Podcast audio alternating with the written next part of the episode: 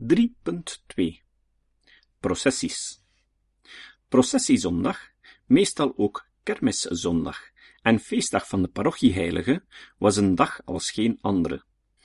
De week eraan voorafgaande betekende een intensieve voorbereiding en een repetitie voor de schoolkinderen, de muziekmaatschappijen, BJB'ers, ruiters en al wie in meerdere of mindere mate betrokken was met het uitgaan van de processie. Het traject waarlangs de stoet zou komen, werd grondig schoongemaakt. Iedereen veegde voor eigen deur en voorzien van een aardappelmesje begonnen de kinderen en hun moeders het onkruid tussen de kasseien uit te steken om op zondagmorgen de straatstenen met wit zand, met versnipperd gekleurd papier en gesneden veldbloempjes te bestrooien. Alle heggen hadden een beurt gekregen, en de zandige stroken naast de weg werden gehakt en geharkt. Op zondag werd de nationale driekleur bovengehaald en wapperde triomfantelijk aan de gevels van de winkelpanden en burgerhuizen. De vensterbanken werden voorzien van boeketten seringen, dahlia's of veldbloemen en brandende kaarsen ter devotie van het allerheiligste dat zou passeren. De processie werd op gang getrokken door enkele ruiters, die fier en met waardigheid het parochievaandel droegen. De paarden werden opgetuigd, en nu er zoveel ogen op zouden gericht zijn, werden de manen geborsteld, de staart gevlochten, het gareel gepoetst. Het boerenpaard stapte traag en zeker langs het versierde traject en liet jammerlijk soms wel eens een paardenvijg vallen, hetgeen ineens een obstakel werd voor al wie volgde. De muziekmaatschappijen brachten de vrolijke noot en lieten hun kunnen bewonderen door de vele toeschouwers. Die rijen dik stonden naast de weg en de vendeliers van de BJB. In uniformhemd zwaaiden de vaandels. Hun moeders, vanaf de zijkant toekijkend, straalden van fierheid. De schoolkinderen droegen Sint-Janneke met het lammeke, of Jezeke, zoete minneke. De communicanten stapten op in hun communietenu.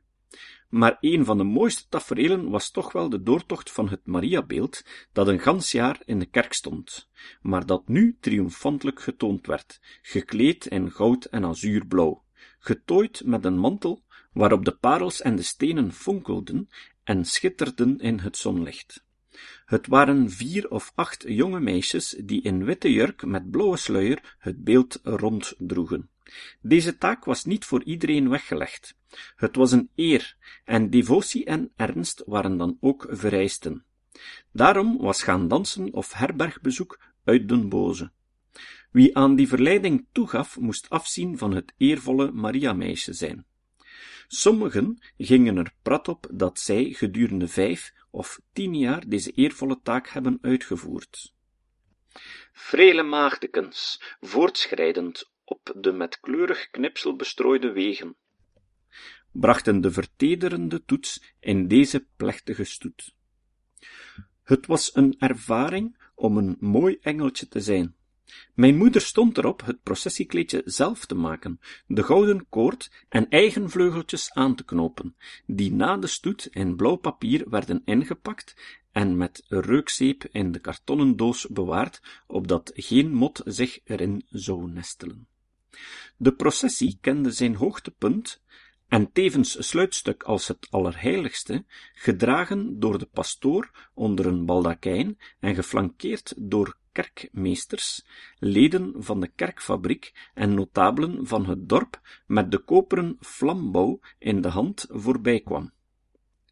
Iedere knie van toeschouwers langs de weg werd gebogen, ofwel in het zand, ofwel op een eetkamerstoel, die voor de gelegenheid buiten werd gezet en waarop de eigenaars en hun familieleden plaatsnamen. Devote mannen en vrouwen van het dorp sloten de processie af, luidop gebeden zeggend. Onder klokkengelui werd de processie aan de kerk ontboden en had iedereen de mond vol over hoe schoon het wel weer was geweest. Het tafereel op een van de schilderijen is het moment dat de processie aan de kerk aankomt, nadat ze een traject van de Vlimmerse baan en de Heimansstraat had afgelegd.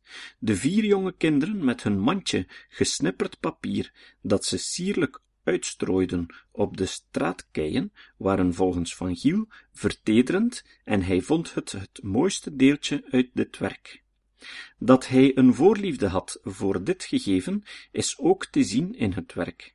Meisje met bloemenmandje, waarvoor zijn dochtertje Maria model stond.